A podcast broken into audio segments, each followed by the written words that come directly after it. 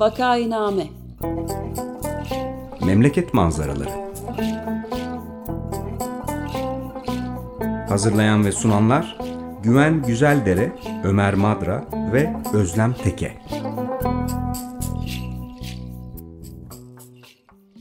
Vakainame'ye hoş geldiniz. 95 FM Açık Radyo'dasınız. Bu programı Ömer Madra, Özlem Teke ve ben Güven Güzeldere birlikte yapıyoruz. Bugün Ömer Madra bizimle değil.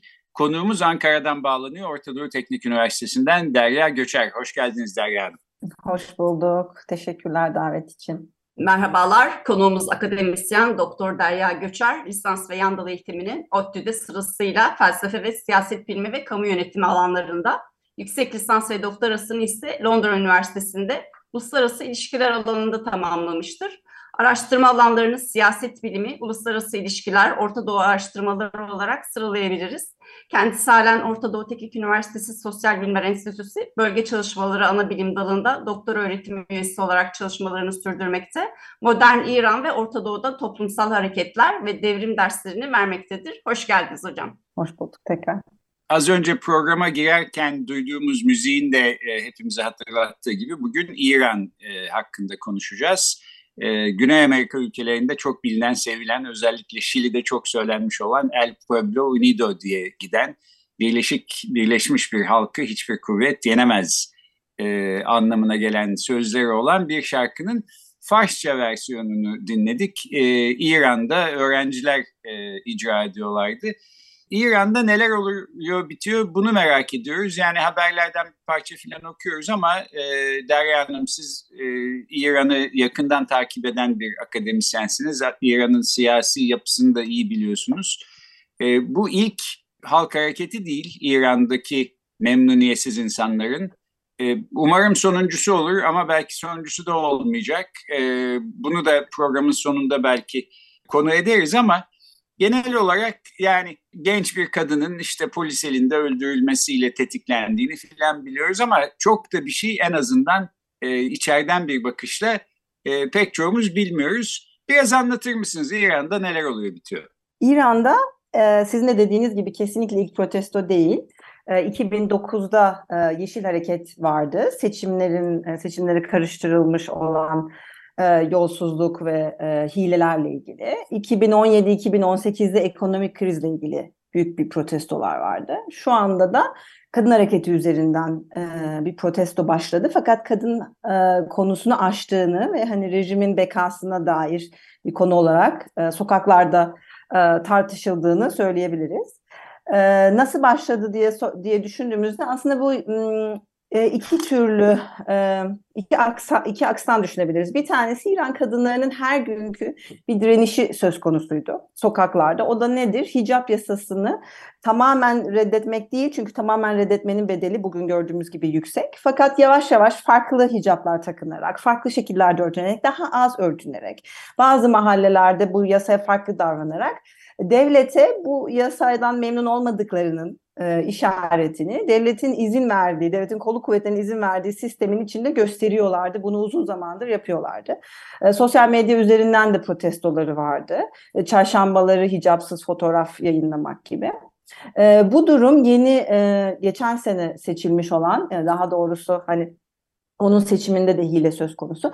E, Cumhurbaşkanı reisinin muhafazakarlığına uymayan bir hal aldı ve genel olarak Molla rejiminin muhafazakarlığına ve bu yazın başında yeni bir hicap yasası e, yeni bir örtünme yasası. Örtünmenin kendisinin yeniden düzenlemek değil ama örtünmemenin bedelini yükseltmek üzerine kurulmuş bir yasa. Ve bununla beraber gittikçe ahlak polisinin daha önce kullanılmadığı şekillerde kullanılması e, ve yavaş yavaş Temmuz-Ağustos boyunca aslında kadınlara yönelen kolluk kuvvetlerinin şiddetinin artması. Bununla birlikte de kadınların protestolarının da artması. Sonunda da bir kadının ölümüyle sonuçlanması, Mahsa Cinamine'nin ölümüyle sonuçlanması Eylül'de. Aslında uzun zamandır hicapla ilgili devam eden ve belki 1981'de hicap yasasının ilk e, ortaya çıkışıyla beraber protestolar da çıkmıştı. Belki o zamandan beri devam eden protestoların e, yeni bir e, tezahür bulması diyebiliriz. Şu anda yaşanan durumda e, protestolar her gün değil ama bazı günler çok yoğun ve şiddetli olarak yaşanıyor. Ve e, tamamen e, protestoların barışçıl niyetlerine rağmen yaşanan şiddetin dozu her seferinde artıyor. Kolu kuvvetlerin gösterdiği şiddetin dozu da artıyor. Yavaş yavaş protestocular da kendilerini bazı kısımlarda şiddet kullanarak savunmak durumunda kalıyorlar. Bir şiddet döngüsüne girildiği söz söylenebilir. Örneğin sokaklarda protestolara müdahale, onları pasifize etme mesela bir genel dünyada otokratik rejimlerde kolluk kuvvetlerinin kullandığı bir konudur. Fakat mahallelerdeki, sitelerdeki binaların içinden e, sadece pencerelerinden bağırarak, bazı sloganları bağırarak e, protestolarını belli eden vatandaşlara bile e, sitelerin bahçelerinden ses bombası, gaz bombası, sis bombası sallayarak evlerinde oturan insanlara dahi hani şiddet gösterme noktasına gelinmiş ve e, tabii ki şöyle bir konu da var. İran'da iki çeşit kolluk kuvveti var. Bir besiç, bir de polis. Besiç e, tırnak içinde gönüllü gençlerden oluşuyor ahlaki düzeni korumak adına ve İran İslam devrimiyle ortaya çıkan bir güç. Bir de e, İran devrim muhafızları var. Bu da İran'ın ikinci ordusu gibi resmi e, e, ikinci ordusu ve İran'ın ekonomisinin yüzde kırkından fazlasını kontrol eder o bir ordu. Yani herhangi bir ordudan çok daha fazla bir ağırlığı var o ülkede. Yavaş yavaş onların da protestolara katılması, protestocuları bastırmak için kullanılması gündemde. En son olarak 29 Ekim'de onlar e, devrim muhafızlarının komutanı bu artık son dedi. Ya bugün son, bundan sonrasına dair toleransımız daha da az olacak ve cevabımız daha da şiddetli olacak demektir. Fakat bitmedi. 29 Ekim'den sonra da devam etti. Ee, bir de İran'da protestoların İran İslam devrimi zamanında bile, İran devrimi ve İran İslam devrimi zamanında bile şöyle bir döngüsü vardır. Ee, Şii geleneklerine de uygun olarak e, bir protestocu hayatını kaybediyor ve cenazesi oluyor. Birçok ülkede bu tür cenazeler politize olur ve hani yeni bir mobilizasyon fırsatı verir. Ee, İran'da 40. gününde e, onun anılmasında da belki ilkine göre daha da güçlü bir dalga olarak geliyor. Bu döngü e, şu andaki rejimi yaratan döngüydü. Hani bu, şu andaki rejime giden devrimde de bu protesto döngüsü vardı. Şimdi de tekrar onun kullanıldığını görüyoruz. Bir durayım belki. Peki şimdi e, Özlem Hanım'ın da soruları var, benim de var. Benim bu İran konusunda şimdiye kadar en güvenilir bulduğum ve takip ettiğim, kendisinden bir şeyler öğrendiğim kaynak e, Açık Radyo programcılarından Bülent Kılıç. E, Fizan Ekspresi diye bir program yapıyor. Son zamanlarda İran'da olup bitenleri de yakından takip eden ve e, oraları iyi bilen bir kişi olarak e, onları da aktarmaya başladı. Sizin söylediğinize benzer bir şey okuduğumu hatırlıyorum. E, ilk başta bu hareketin ilk başında kadın yaşam özgürlük diye bir slogan atılırken e, şimdi buna bir ekleme olmuş. Kadın yaşam özgürlük, erkek vatan refah diye her e, ülkenin e, her katmanını belki kapsayıcı bir hale gelmiş festolar. Yani burada bu 1979'da işte bir e, İslami devrim oldu. Hümeyni ülkeye geldi. E, Şah kaçmak zorunda kaldı. İran o gün bugündür bambaşka bir e, rejim altında yaşıyor. Yani neredeyse 45 sene olacak. E, ama belki sonu geldi ya da e, gelmeye yakın e, gibi gözüküyor. Şimdi bu yani e, bu tabii kimsenin bilemeyeceği bir şey. E, yarın ne olur ya da işte rejim çöker mi filan sorusuna e, kim nasıl cevap verebilir? E, ama öte yandan biliyoruz ki böyle hani bir kayayı e, ittirerek e, tepeye çıkarmaya çalışıyorsunuz. Tepeye varamadan kaya yeniden yuvarlanıyor. Bir daha deniyorsunuz, bir daha deniyorsunuz. Fakat her seferinde tepeye biraz daha yaklaşılıyor gibi gözüküyor bana e, ve şu anda olan İran'daki harekette belki rejimi devirmeye şimdiye kadar olan hareketler içinde en yakın gelmiş olanı denebilir mi? E, ne dersiniz? Bence rahatlıkla denebilir. Ee, bundan önce yani 1981'den belki 2009'a kadar diyeyim Yeşil Hareket'e kadar İran İslam Cumhuriyeti muhalefeti kendi sistemi içinde döndürmeyi nispeten becerdi. Yani rıza inşası denen şeyi bir yandan baskıcılık elbette ama bir yandan da rıza inşası. Otokratik rejimler iki koldan kendilerini beslerler. Biraz bastırırlar, biraz da rıza üretirler. 2009'a kadar bunu reformist hareket denen hani kendi içinde gene e, ruhban sınıfına dayanan siyasetçilerle e, muhalefeti pasifize etti, sistemin içinde tuttu, seçimlere katılımı yüksek tuttu, seçimlere inancı yüksek tuttu vesaire. 2009'daki seçimlere hile karıştırılması ve e, halkın seçimlere olan inancının azalmasıyla birlikte e, başka bir döneme girildi. 2009'un hemen ardından hatırlarsınız 2010-11'de Arap e, isyanları başladı. Bu aslında Yeşil Hareket hem onun öncülü oldu hem de ondan çok etkilendi. Ve ondan da sonra İran'ın Suriye'ye girmesi, İran'ın kendi askeri nüfuzunu ülke dışına çıkarması, bir yandan da yaptırımlarla yoksullaşması ama askeri harcamaların artması, İran devletinin meşruiyeti, rejimin meşruiyetini halkın gözünde düşürmeye başladı. Kendileri yoksulken dışarılarda ve şöyle sloganlar atmaya başladılar mesela gösterilerinde. Benim adıma değil. Hani İsrail'e karşı benim adıma değil, Lübnan'da ölmek benim adıma değil diye. Böyle bir dayanışma göstermediklerini, hani de, devletin gösterdiği dayanışmayı onların göstermediklerini e, ifade ettiler ve başka dayanışmalara gittiler. Özellikle 2017-2018'de ekonomik olarak. 2017-2018'in şöyle bir farkı oldu daha önce dediğim gibi sistemik şekillerde eritilebilen muhalefet eritilemeyince lidersiz, spontane, örgütlenmeden ve Tahran merkezli olmadan hakikaten ulusal ölçekte e, gösteriler başladı. Çok sert bastırıldılar. E, çok daha kısa sürmüşlerdi bugüne kadar. Özellikle 2017'nin en sonunu hatırlıyorum ama hani bir iki hafta içinde 20'den fazla ölüme mesela protestocular maruz kaldılar. Yani çok sert bastırıldılar. O sertlikle beraber onlar da sönükleştiler ve bu de, devleti biraz güçlen, cesaretlendirdi. Ben bastırabiliyorum. Hani bu yeni düzende de ben bastırabiliyorum diye. Şimdi çıkan gösteriler o kadar kolay bastırılamayacağını ve devletin meşruiyetinin lidersiz bir muhalefet tarafından bile sorgulanabilir hale getirilebileceğini, spontane, kendi aralarında koordine olmayan, iletişim için bütün imkanları kısıtlanmış e, ve hakikaten tabandan gelen bir hareketle bile meşruiyetin yıkıldığını söyleyemeyeceğim ama sallandırıldığını, sarsıntıya uğratıldığını görüyoruz.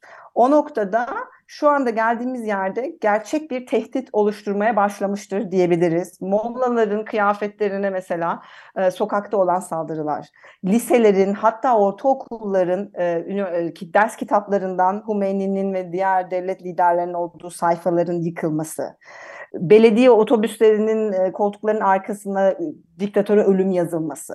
Bunlar hakikaten çok spontane, hani o anki yaratıcılıklarla olan ve birbirlerinden öğrenilen şeyler. Ee, ısrarla ama ülkenin birçok yerinde yapılıyorlar.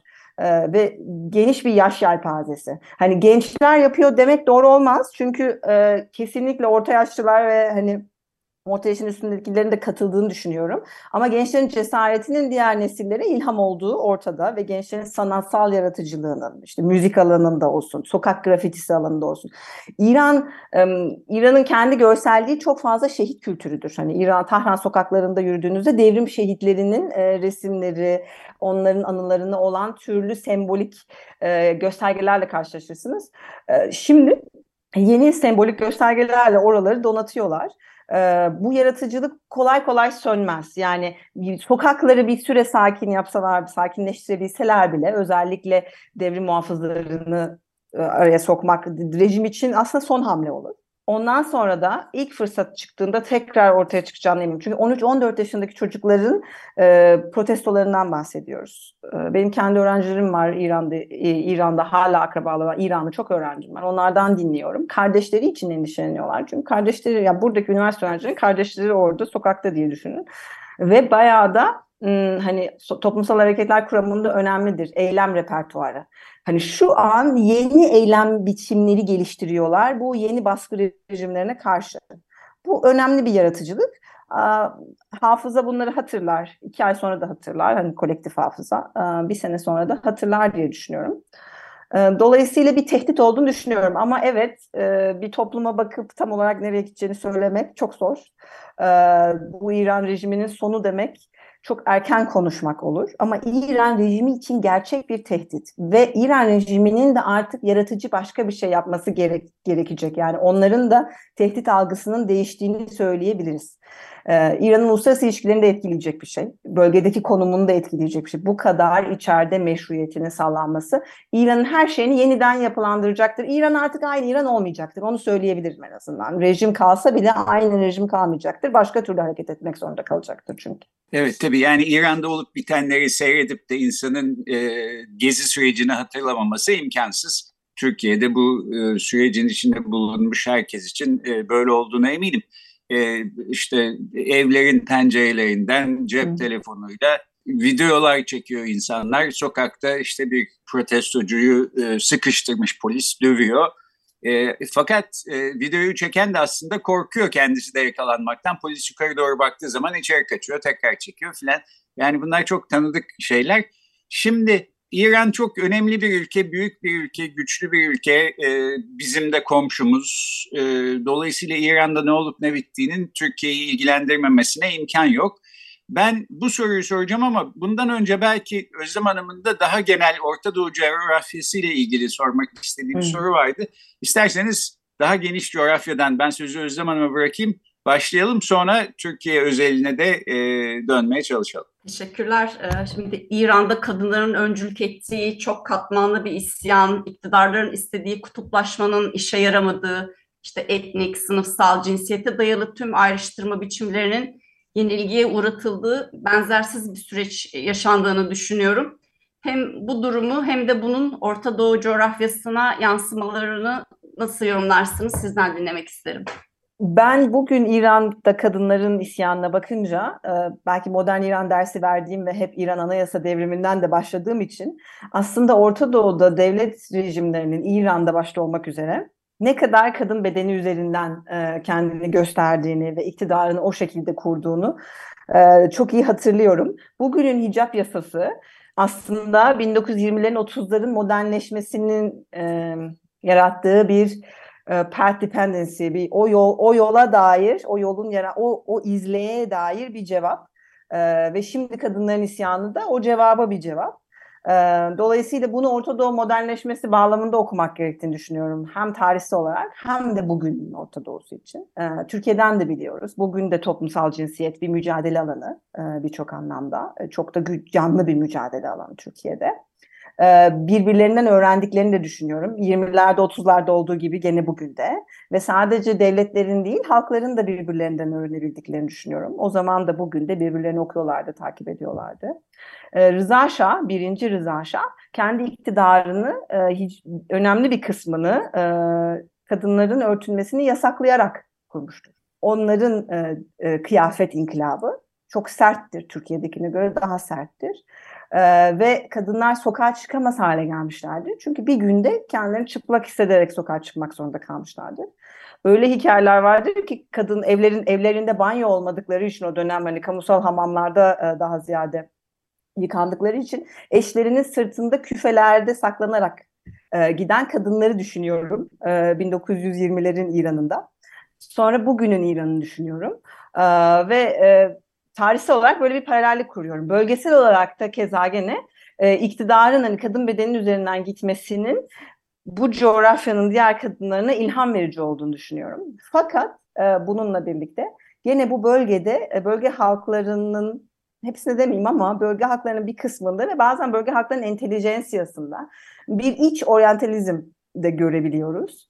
Ee, örneğin İranlılar ne kadar, e, İran kadınları ne kadar cesur ve ne kadar yaratıcı isyanlarında e, ilham alınacak bir durumken bazen bunu anlatmak için bazı gazetecilerin mesela Arapların pasifliğiyle kıyasladıklarını ta- tanık oldum e, Türkiye medyasında.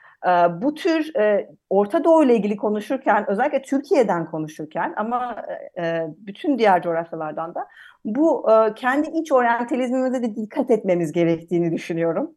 Ee, ve bunun da gene bazen halkların birbirlerinden öğrenmesinin de önüne geçebildiğini düşünüyorum. Hani e, Arap Baharı'nda da bunu yaşadık bir, bir kısım Arap ayaklanmaları değil. E, şimdi de böyle böyle bir ufak bir tehlikede seziyorum. Bundan da bahsetmek isterim. E, bir de daha Türkiye ile daha Türkiye ile ilgili bir soru olacaktı değil mi? Evet, şimdi Türkiye ile ilgili bir şeyleri de tabii ki merak ediyoruz. Çünkü diktatöryel rejimler birbirleriyle dayanışıyorlar. Birbirlerinden bir şeyler öğreniyorlar. Yani Türkiye e, Pakistan'dan öğreniyor, işte Şili İran'dan öğreniyor filan. Ama e, bu ülkelerdeki muhalif e, kesim de birbirinden bir şey elbette öğreniyor, öğrenebilir, öğrenmeli. E, bu soruyu birkaç hafta önce e, Doktor Umut Aydın'a da sormuştuk. Şili Anayasası'nın e, hazırlanması sürecinden Türkiye neler e, öğrenmeli diye. E, bunu sormak istiyorum. Yani İran'da olan bitenler Türkiye'den bağımsız, Türkiye'yi ilgilendirmeyen şeyler değil elbette. Ama sürecin kendisine de baktığımızda e, bizim almamız gereken dersler Türkiye olarak e, sizce nedir? Bence toplumsal cinsiyet konusunun sadece kadın meselesi olmadığı, genel olarak demokratik yaşamın en temelinde olduğu meselesi. Yani kadın örgütleriyle dayanışma göstermek, toplumsal cinsiyet temelli e, çalışan sivil toplum örgütlerimizle örneğin e, dayanışma göstermek, sivil toplum alanını seçim gündemi geliyor diye seçimlere kendimizi tamamen endeksleyip boşlamamak, bırakmamak, seçim siyasetinin kendisinin ancak sivil toplum alanıyla beraber geldikçe hakiki bir demokratik ortamı yaratabileceğini görmek önemli bir e, ders olur bizim için bunu alabilirsek. Çünkü şu anda Türkiye e, bir seçim tarihine endeksli durumda ve genel olarak e, siyasetimiz bunun üzerinden dönüyor. İran'da da böyleydi. İran'da da seçimler yüksek katılımlıydı özellikle 2009'a kadar ve hani seçim siyaseti vardı. Seçim siyasetinin çökmesini beklemeden onu alttan biz kendimiz desteklemeliyiz. Ee, bu ne demek olabilir? İşte akademisyenler sivil toplum alanına daha fazla destek verebilir. Sivil toplum paydaşları daha fazla birlikte olabilir, birbirinden daha fazla öğrenebilir. Ee, mümkün olduğu kadar e, seçimleri gerçek ve hakiki kılacak e, alanı yaratmayı ve toplumsal cinsiyeti de burada odağa koymaktan kaçınmamamızı, çekinmememiz gerektiğini düşünüyorum. Şu anda toplumsal cinsiyet gerçekten e, gündem olmalı bence. İran'dan alınabilecek önemli bir ders bu diye düşünüyorum. Peki programın sonuna geldik. Son bir iki dakikamız var. Toparlamak için sizin söylemek istediğiniz bir şeyler varsa Derya Hanım sözü size bırakalım. Orta Doğu'da halklar birbirlerinden ilham alma kapasitesine sahip, kendi geçmişlerinden ve birbirlerinin geçmişlerinden öğrenme kapasitesine sahip. Bu öğrenmenin otokratik rejimlerin öğrenmesinden daha derin ve daha yaratıcı olduğunu düşünüyorum. Dolayısıyla da bugün İran rejiminin sonu bu olmasa da hareketlenmelerin devam edeceğini kesin eminim böyle düşünüyorum ve başka coğrafyalara ilham vereceğini de düşünüyorum. Bundan da eminim. Peki biz de öyle düşünüyoruz ee, ama sayenizde e, bu düşüncemizin çok da e, uyduruk bir düşünce olmadığını en azından anlamış olduk. E, bugün konuğumuz Orta Doğu Teknik Üniversitesi'nden Doktor Derya Göçer'di. İran'da olan bitenler konusunda konuştuk. Çok teşekkür ediyoruz Derya Ben teşekkür ederim. Teşekkürler.